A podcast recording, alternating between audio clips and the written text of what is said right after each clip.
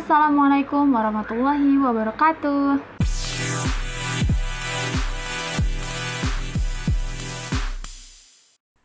Halo guys, balik lagi bersama aku Ica di podcast Segaris Cita. Oke guys, setelah dapat beberapa saran dari beberapa orang yang aku tanyain, salah satunya itu kata salah satu dari mereka ada yang bilang kayaknya menarik deh kalau misalkan bahas tentang kehidupan para pelajar di Mesir. Sekarang kita mulai cerita nih. Gimana sih atau apa aja sih kegiatan-kegiatan yang bisa diikutin sama pelajar-pelajar yang ada di Mesir.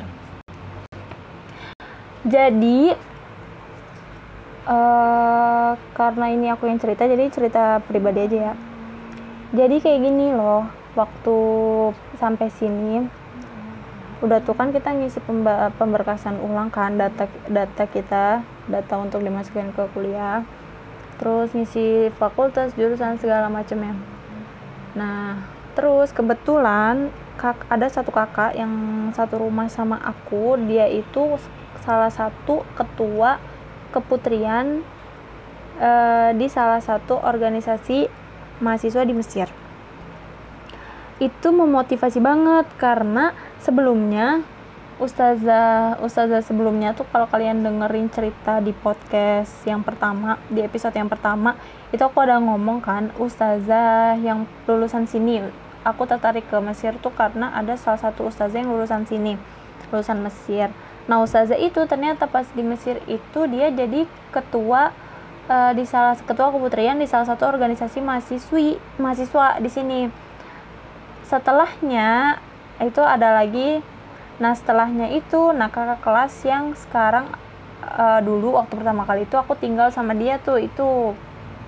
Setelah beberapa tahun setelah ustazah ustazah itu Nah, dengar cerita kayak gitu, aku jadi termotivasi dong pas baru pertama kali datang ke sini langsung tertarik sama organisasi. Wah, kayaknya organisasi seru ya, kayaknya jadi ketua seru ya, segala macamnya ini itu. Uh, terus aku tanya-tanya kan sama kakak itu. Karena aku belum pernah merasakan beratnya jadi ketua, terus juga beratnya menyeimbangkan kuliah dan organisasi. Tuh, jadi aku banyak tanya dan cuman dan kakaknya cuman bilang doang sekarang mah kuliah aja dulu gitu kan. Karena kan di sini ada kelas bahasa setengah tahun dulu ya. Sekarang mah fokus aja kelas bahasa dulu. Ntar juga nanti lama-lama tahu sendiri ikutin aja alurnya kayak gitu kayak gitulah intinya. Dan karena aku batu banget dibilangin gak ngerti jadi aku kayak masih penasaran gitu loh kenapa sih kenapa sih emangnya gitu kok nggak langsung kayak ceritain aja kayak gitu. Terus abis aku cari tahu sendiri lewat orang-orang kan emang organisasi apa aja sih yang ada di Mesir? segala macam ternyata banyak. Salah satunya kalau di perkuliahan ada organisasi senat kan. Kayaknya di Indonesia juga ada deh kalau senat. Ada ada yang namanya senat juga ada yang BEM kan badan eksekutif mahasiswa Nah itu kalau di sini senat, senat mahasiswa, senat fakult, senat mahasiswa fakultas syariah, senat mahasiswa fa fakultas bahasa Arab, senat mahasiswa siswa fa fakultas usuludin kayak gitu kan. Nah ini nanti anggota-anggota senat ini, eh, pengurus-pengurus senat ini yang menghubungkan, yang jadi penghubung uh, anggota anggota atau mahasiswa mahasiswa ini sama para dosen-dosen kayak gitu. Kalau mis misalkan nanti ada pengumuman nilai nanti mereka yang mereka yang bertanggung jawab uh, untuk nyari tahu gitu loh. Kalau ada kalau apa permasalahan kayak misalkan mau pindah jurusan atau gimana kalau misalkan apa kayak gitu loh. Nanti mereka yang berusaha buat komunikasiin sama dosen-dosen yang bersangkutan. Kayak gitu. Terus ada juga uh, dan dipisah. Kan senat kan cewek cowok. Nah kan kita kan kuliah kita cewek cowok dipisah kan. Nah berarti ada yang khusus untuk emang nanganin kayak masalah-masalah atau segala yang dibutuhin sama mahasiswi. Kalau mahasiswa mahasiswa kayak gitu. Terus mereka senat juga sebagai wadah. Kayak kan udah tahu nih butuhnya apa di kuliah. Berarti uh, kayak ngasih tahu kalau misalkan di fakultas ini butuhnya apa aja? Kalau misalkan mau ikut lagi apa aja yang yang yang harus diikutin yang berhubungan sama kuliah kayak gitu. Terus juga dikasih tahu kayak kalau misalkan masih tingkat satu gitu kan belajarnya ini ini ini ini yang masih tadi yang masih awal gitu. Terus nanti kalau udah tingkat selanjutnya yang agak susah terus nanti tingkat selanjutnya yang susah kayak gitu loh jadi tingkatan-tingkatannya karena kan kita juga kalau misalkan belajar kan harus kayak gitu ya sesuai dari sesuai sama kemampuan kita. Kalau kita masih di kelas awal ya berarti kita belajarnya belajar yang untuk emang awal-awal. Jangan kita masih di kelas awal kita udah belajar yang sulit. Karena uh, bakalan takutnya nggak bakalan yang disampaikan tuh nggak nyerap gitu loh. Kayak kemampuan kita tuh belum mampu untuk nyerap yang susah. Takutnya kayak gitu. Tapi kalau misalkan emang merasa bisa ya nggak apa-apa juga gitu kan. Terus ada juga organisasi kekeluargaan. Ke, ke organisasi kekeluargaan ini ada 17 kekeluargaan ngikutin Nusantara Nusantara Indonesia. Ini tuh kayak miniaturnya gitu karena kan kita di sini juga uh, ada organisasi paling tingginya kan PPMI kan Persatuan Pelajar dan Mahasiswa Indonesia dan dipimpin sama presiden. Kalau di Indonesia tuh ya udah presiden dan menteri-menterinya gitu kan. Nah, itu PPMI di sini kayak gitu juga. Kita tuh mini miniaturnya Indonesia. Nah, kalau misalkan di Indonesia ada gubernur, di sini juga ada gubernur. Kekeluargaan tuh dipimpin sama gubernur kayak misalkan dari Sumatera, itu ada gubernur Sumateranya di sini. Kan Sumatera kan juga banyak kan.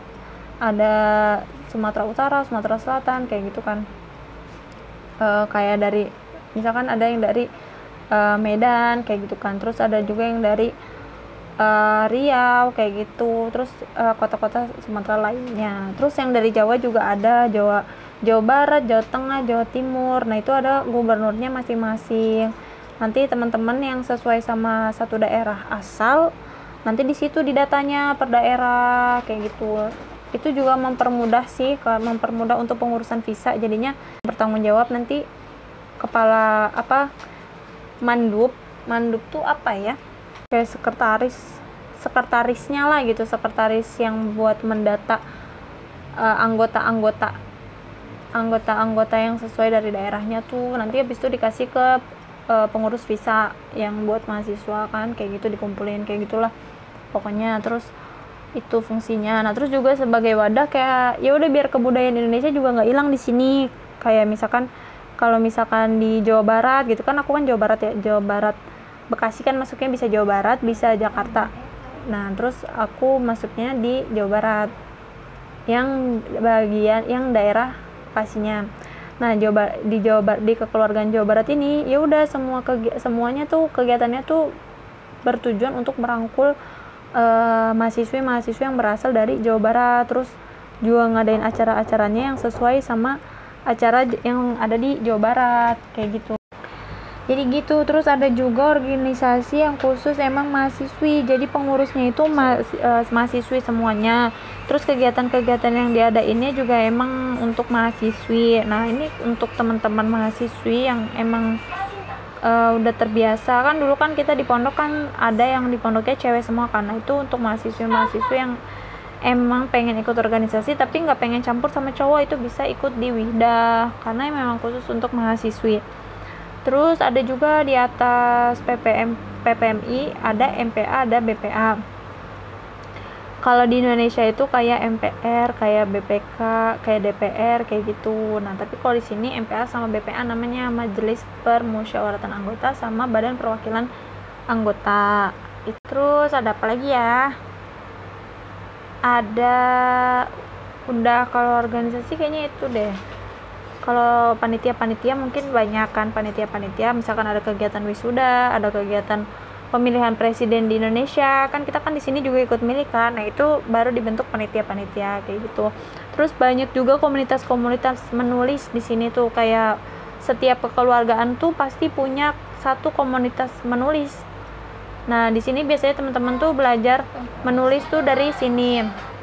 Belajar nulis redaksi belajar nulis opini belajar nulis uh, apa cerpen. Itu biasanya tuh di komunitas menulis ini wadahnya. Kayak gitu. Terus abis itu apalagi ya? Terus ada juga kan di di PPM itu nanti ada kementerian apa kementerian apa ya lupa. Pokoknya itu nanti dia itu me, dia itu ada programnya itu PPMI PPMI TV atau apa ya PPMI TV deh kalau nggak salah PPMI TV nah di situ juga itu buat teman-teman yang kayak pinter baca redaksi atau pinter nge-host, nge-MC gitu tuh itu nanti biasanya kan mereka ada konten wawancara kan wawancara sama kakak-kakak S2 atau wawancara sama orang-orang KBRI dan segala macamnya petinggi-petinggi lah intinya. Nah itu nanti di situ kan bisa untuk belajar ngomong di depan kamera belajar wawancara juga kan. Kayak gitu. Itu bisa juga. Terus apa lagi ya? Terus udah kan organisasi itu sama panitia-panitia kecil paling. Terus ada juga beberapa mahasiswa yang emang fokusnya kuliah. Ya udah emang cuma ke sini tuh ya udah fokusnya kuliah. Kuliah aja dia kuliah tiap hari tuh. Itu ada juga yang talaki. Talaki kan talaki itu kayak belajar kitab-kitab turus langsung sama syekh gitu kan. Uh, di majelis kayak gitu kan atau di masjid-masjid. Biasanya tuh ada di masjid Al Azhar pokok terus kayak gitu kan nah itu apa yang dipelajarin yang dipelajarin itu kitab-kitab turus yang gak dipelajarin di kuliah kayak gitu kan kalau di kuliah kan pakainya kitab-kitab kuliah kan Nah, kalau sama Syekh ini kan pakainya kitab turos kan, kayak kitab Jurumiyah, kitab Alfiyah, terus ada juga kitab uh, ada juga belajar sirah nabawiyah.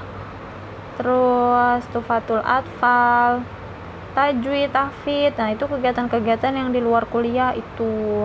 Nah, biasanya ada juga teman-teman yang emang fokus uh, di situ gitu kan, fokus belajar-belajar kitab turos tuh ada juga teman-teman yang kayak gitu.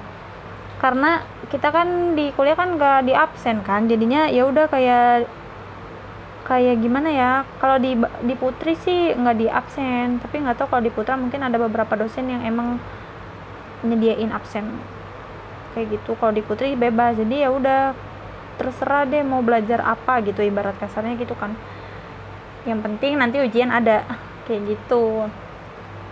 Kalau aku dulu waktu pertama kali ke sini itu panitia pertama itu panitia dari mediator. Itu panitia uh, namanya ada IKPM Cup kan aku ikut mediator IKPM kan yang yang anak-anak gontor rata-rata emang itu punya anak gontor tapi kalau mediatornya untuk uh, umum gitu untuk siapa pun yang pondok pesantrennya tuh pondok pesantren modern gitu. Nah aku kan ikut itu.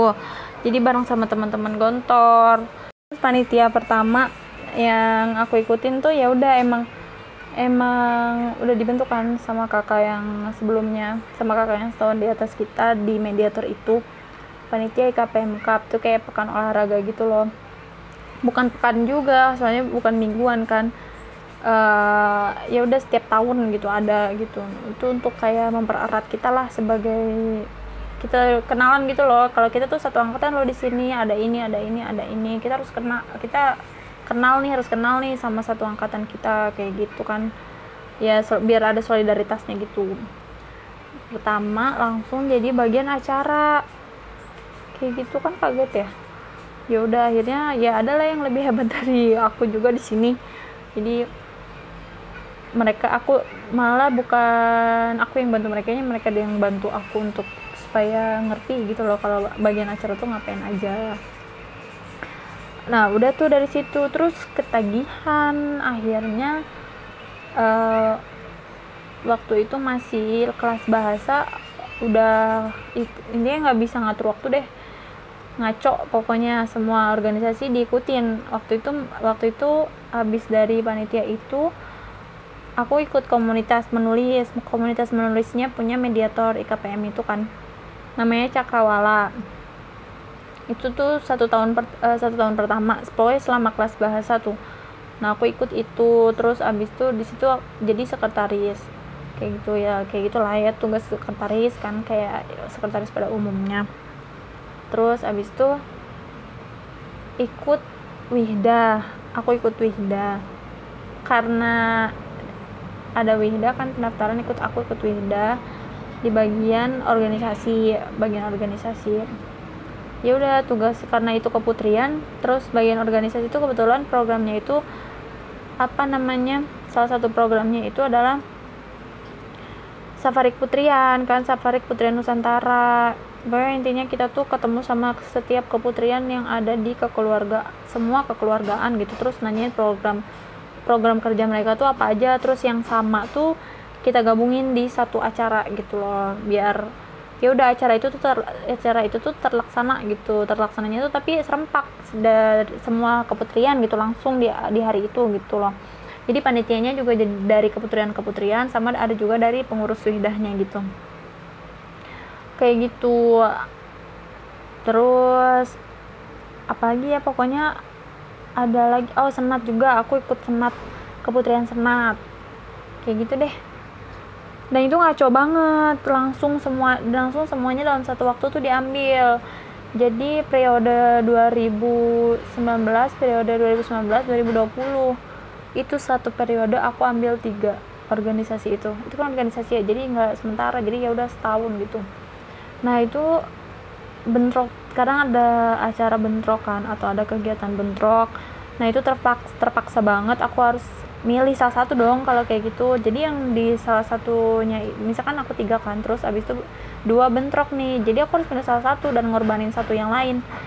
Uh, ibaratnya jadi nggak maksimal gitu ke yang aku korbanin ini jadi nggak nggak maksimal. Kan kayak gitu juga jadi nggak enak juga kan tapi kayak gimana? Udah terlanjur. Terus mau mundur juga kayak tanggung gitu loh.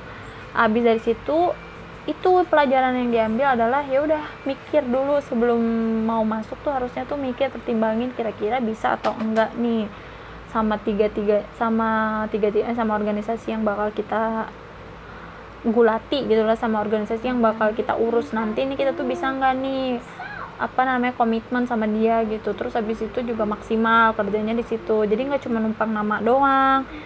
Kadang tuh soalnya orang pengen dapet banyak pengalaman makanya dia tuh ngambil semuanya. Kayak aku nih contohnya ngambil semuanya tapi nggak maksimal. Jadi kurang gitu loh. Jadi mending kalau misalkan emang nggak bisa maksimal dengan ngambil banyak banyak uh, bagian di banyak organisasi mending fokus aja satu tapi kamu punya benefit gitu ada di situ.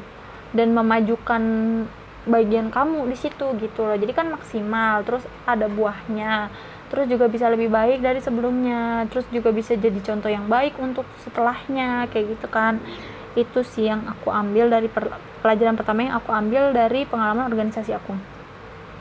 Udah abis dari situ pas aku udah turun semuanya aku udah lepas semuanya baru 2020-2021 aku masuk di sekretaris uh, sekretaris Badan Perwakilan Anggota.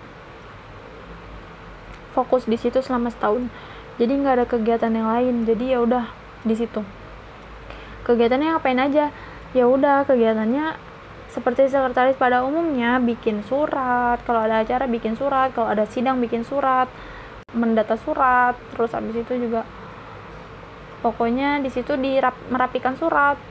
Surat-surat yang berhubungan sama surat-surat yang berhubungan sama apa undang undang-undang juga kan undang-undang kan MPA ya terus eh enggak kalau undang-undang enggak. Terus yang berhubungan sama mengetik-mengetik itulah. Terus kadang-kadang juga kalau misalkan kita kan ada sidang terus kita bikin panitia. Nah nanti nanti um, steering committee-nya itu dari sekretaris badan perwakilan anggota kan kita ada tiga nih. Kita kita bertiga. Kalau enggak kita berdua. Yang satu fokus sama uh, tugas pokok kayak gitu. Terus pokoknya kayak gitu deh. Kerjaan-kerjaan pada umumnya. Kenapa ribetnya itu paling ya udah cuman kayak ribetnya itu bikin undangan banyak banget kan. Kalau misalkan ada acara kita. Terus habis itu bikin surat ketetapan, bikin surat keputusan kayak gitu. Dan harus ada di setiap uh, rapat. Ya walaupun nggak tiga-tiganya kan kita bertiga sekretaris ya. Ya walaupun nggak tiga-tiganya seenggaknya salah satu ada. Terus juga kita juga ada megang bendahara bendahara apa namanya? bendahara keuangan badan perwakilan anggota gitu. Bendahara BPA. Ada yang udah salah satu dari kita megang kayak gitu kan. Terus waktu itu sih aku kita itu karena kan kita karena kan sebelumnya kan belum ada kayak uh, pedoman bukan pedoman juga sih. Iya pedoman kita nyebutnya pedoman tata naskah. Pedoman yang kayak gimana sih kalau bikin surat tuh kopnya harus gimana? Terus habis itu juga kalau ngecap capnya harus di sebelah mana? Terus habis itu juga uh, apa supaya semua itu masih belum masih belum sudah ada tapi itu belum rapi gitu kan. Nah waktu itu salah satu yang kita kerjain salah satu program tambahannya itu kita kita sekretaris BPA sama sekretaris majelis permusyawaratan itu sih kemarin terakhir organisasi terakhir yang aku ikutin tuh itu. Udah habis dari situ aku udah nggak pernah lagi ikut organisasi lagi nggak pernah lagi ikut panitia lagi. Udah merasa ya udah cukup gitu. Karena waktu tingkat satu karena aku nakal ya ikut organisasi tapi nggak bisa ngatur waktunya. Jadi kuliahnya juga lumayan bukan lumayan sih kuliahnya juga jadi parah nilainya jadi kecil juga pas tingkat satu itu. Terus ya udahlah kayaknya udah deh kalau udah turun fokus aja satu udah gitu deh. Karena kan semakin tinggi tingkatnya semakin susah ya jadi kayaknya aku belum mampu deh kalau misalkan kuliah sama organisasi gitu. Akhirnya ya udah kuliah aja. Saya sekarang kangen sih sama organisasi. Kayak kangen aja gitu berkecimpung sama orang-orang banyak. Terus sekarang tuh jadi kayak dulu waktu sering organisasi kan kita sering ngomong kayak aku sering ngomong gitu kan sering nyampein peraturan. Misalnya ada acara terus aku nyampein peraturan ke peserta-peserta yang ikut acara oh gitu deh. Terus nerangin acaranya tuh kayak gimana. Pokoknya sering ngomong di depan orang gitu kan. Tapi pas udah nggak jadi apa-apa udah lepas dari organisasi itu jadi kayak awkward gitu mau ngomong di depan orang kayak takut salah kayak kayak beraninya tuh kayak udah kayak kurang gitu. Itu sih. Uh, mungkin harusnya ya udah tetap berani gitu kan. Sebagai bekas pernah organisasi oh bekas pernah organisasi ya pansan berani ngomong kayak gitu kan. Harusnya itu masih ada sih itu yang masih dipertahankan sampai sekarang. Mencoba untuk dipertahankan ya kayak ya udah lebih enjoy lagi aja gitu loh. Karena kan ya namanya kita udah nggak terbiasa ngomong lagi jadi kayak kaku gitu kan. Kayak ibaratnya kalau misalnya kita udah bisa naik motor tapi kita nggak nggak nggak ngendarin ngendarin motor gitu selama setahun. Kan ketika kita naik motor lagi kayak kaku gitu kan kayak grogi gitu. Padahal kita lancar kan setahun sebelumnya. Kayak gitulah. Kayak gitu. Itu ya udah itu organisasi-organisasi yang biasanya digeluti sama mahasiswa. Terus oh ya terus ada juga kan karena kita di sini uh, kebanyakan sih ya kebanyakan tuh ada ada yang kuliah sambil kerja juga. Tapi kebanyakan kan mahasiswa karena laki-laki gimana ya mereka tuh kalau orang-orang yang sering yang pernah ngobrol gitu kan sama aku kalau aku tanya kenapa sih sambil kerja? kayak gitu. Nah ya udah mereka itu alasannya ya udah laki-laki udah gede gitu loh. Walaupun mereka masih kuliah di sini mereka merasanya tuh ya udah laki-laki udah besar harusnya tuh kuliah udah biaya sendiri kayak gitu kan. Jadi mereka di sini juga kerja sa sambil kuliah kalau uh, kalau misalkan kalian suka dengar ada yang jasa titip jasa titip atau jual bagasi kayak bolak-balik Indo Kairo Kairo Indo. Ya itu buat ya itu kerjaan mereka gitu selain kuliah. Kalau liburan tuh mereka kerjanya kayak gitu. Malah kadang lagi kuliah pun mereka kayak gitu. Ya kayak gitulah pokoknya. Kegiatan-kegiatan yang di yang dilakukan oleh mahasiswa-mahasiswa yang ada di Mesir tuh kayak gitu oke jadi kayak gitu guys ceritanya. Nextnya apa lagi ya? Kalau misalkan ada saran bisa nih DM di at ansptr15 DM aja kalau misalkan kayaknya seru deh kalau cerita ini atau kalau cerita itu. Itu sangat membantu sekali untuk perkontenan duniawi ini. Makasih ya guys udah dengerin. Thank you